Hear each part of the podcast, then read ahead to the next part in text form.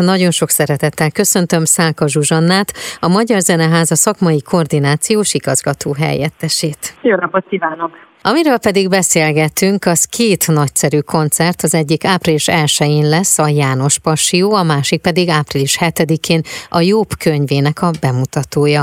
Mind a kettő a húsvéti ünnepkörhöz kapcsolódóan kerül bemutatásra. Ez egy nagyon fontos döntés volt, és most egy ilyen bérletünk, ami ebbe az időszakba ezeket a kicsit szakrálisabb műfajakat köti össze, és ennek a keretében kerül bemutatásra mind a kettő. Bach János Passió az egy nagyon speciális előadás. Én pár éve egy holland fesztiválon találkoztam vele, és nekem nagyon nagy élmény volt. Nekem személyesen is nagyon fontos ez a mű, mert gyerekkoromban Luteránia énekkorában sokszor énekeltem, és ez egy olyan innovatív előadás, amit mi nagyon szeretünk a zeneházába, ami három szereplővel mutatja be Bach János passióját. Van egy tenorénekes, aki ugyan a szoprán és az altáriákat is énekli, van egy csembaló és orgonaművész, illetve egy ütőhangszeres. És tényleg az ütőhangszereknek a, a sokszínűsége és a hihetetlen különlegessége tényleg olyan sokfajta szint bele tud vinni, és ez egy hagyományos mű, bemutatva egy progresszív, de mégis hangulatába, tényleg az, hogy egy örökségre építve egy új interpretációt bemutatva a ma emberének, és ami még nagyon izgalmas,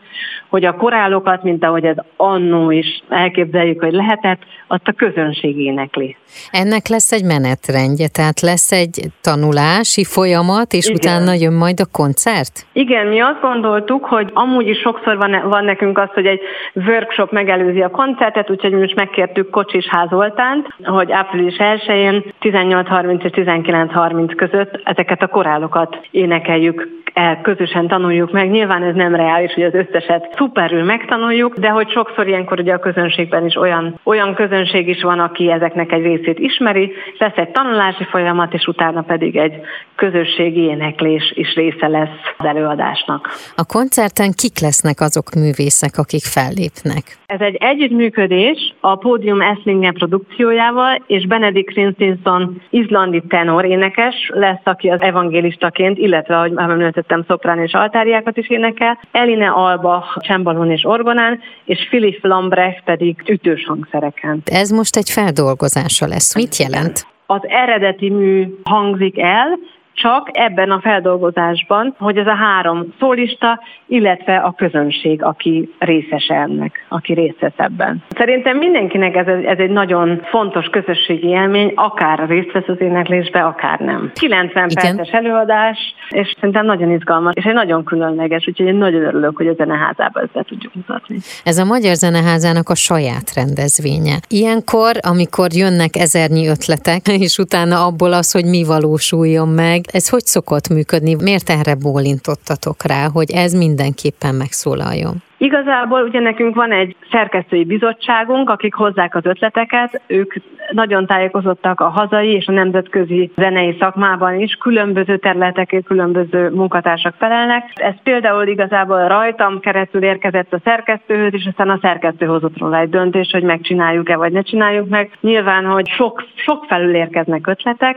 és ez a szűrőt, uh-huh. ezt a szerkesztő bizottságunk hozza meg ezeket a döntéseket, hogy mi az, ami tényleg igazán passzol a zeneháza küldetéséhez, és ezáltal bekerüljön a programunkba is. Tehát április 1-én János Passió, viszont a beszélgetés elején ugye említettük, hogy lesz még egy másik előadás is, amelyet pedig nagy pénteken hallhat a közönség, ez pedig a Jobb könyve, és ez egy nagyon Igen. különleges oratórium lesz, hiszen három zeneszerzőhöz kapcsolódik ez a mű. Igen, abszolút, ez egy együttműködés az Ördökatlon Fesztivállal, és ez is ugye nagyon fontos a küldetésünknek a része, hogy új műveket mutassunk be. Ez Dargai Marcel, és Dániel és Futó Balázsnak a közös alkotása. Szerintem ez nagyon izgalmas, hogy három zeneszerző hogyan tud közösen alkotni, és van is egy interjú a honlapunkon ezzel kapcsolatban, hogy ők hogy jól ismerik egymást, és azt, hogy hogyan osztották fel ezeket a szerepeket, hogy a különböző szereplőknek a különböző hangjait, a különböző zeneszerzők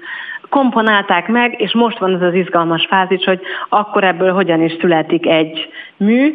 A föllépők között Szappanos Tibor, Pataki Bente és Kovács István, mint szólisták, illetve az Umze Kamara Együttes Vajda Gergely vezényletével. Jobbnak a története, ezt ugye tényleg az interjúban elolvasható, és én ajánlom mindenkinek egyébként, mert tényleg nagyon jó gondolatok vannak benne. Futó Balást foglalkoztatta, Igen. és aztán mind a hárman azt mondták, hogy jó legyen ez. Itt ugye, ahogy említetted azt is, hogy három énekes lesz a színpadon, ők alakítják Jobbot, Istent, illetve a sátánt. Nem hallottam még részleteket, én nagyon kíváncsi vagyok erre, mert ugye az alkotási folyamat az, az utolsó egészen a próbákig tartott, uh-huh. és fontos az, hogy tényleg ez, erről tudjunk, hogy egy ilyen közös, közösségi alkotásnak az eredménye, és szerintem a jobb könyve és a jobb személye nagyon izgalmas és nagyon releváns a 21. század emberének. Tehát ez a szakrális zenei sorozat a Magyar Zeneházában, és azon belül is a húsvéti bérlet. Ugye beszélgettünk Igen. már az április 1 János Passium másként koncertről,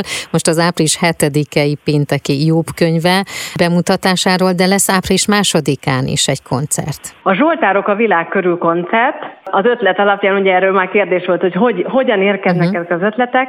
Igazából Grillus Dániel keresett meg minket ezzel az ötlettel, hogy nagyon izgalmas megnézni a zsoltárokat a különböző kultúrákba. Ez például úgy született, hogy nekünk van egy globál zenei szerkesztőnk Salamon Soma és Grillus Dániel, és sokat beszélgettek egymással, hogy volt az alapötlet, és utána a zeneháza együttműködésével jött létre az, hogy ebből valóban milyen koncert legyen, és szerintem nagyon izgalmasak a vevők is, Sebestyén Márta, Fekete László, Grillus Dániel, Grillus Vilmos, Bece Gábor, Babcsán Bence, Zimber, Ferenc Richter Pál, Skóla Kantórum, és Bubnó Tamás. Ez is azt mutatja, hogy igen, azért a zsoltárok sokfajta irányból, sokfajta zenei kultúrából is érkeznek, és ezeket, ezeket nagyon izgalmas összefonni, és ez a szakrális zenei sorozatunknak lesz a része, és beszélgetés is lesz előtte. Nagyon szépen köszönöm. Minden pontos információt a zeneháza.hu weboldalon megtalálnak, a koncertekkel kapcsolatosan, illetve a fellépőkkel kapcsolatosan is. Én kívánom, hogy mindegyik előadás teltház előtt zajlódjon, bár egyébként azt látom, hogy nagyon sokszor minden jegy elkelt. Hát ennek azért örülünk, hogy uh-huh. nagy az érdeklődés a zeneháza programjai iránt, úgyhogy reméljük, hogy ezt, ezt a hagyományt ezt megtartjuk. Legyen így nagyon sokáig. Köszönöm szépen. Köszönöm szépen. Az elmúlt percekben Szálka Zsuzsannát hallhatták a Magyar Zeneháza szakmai koordinációs igazgató helyettesét.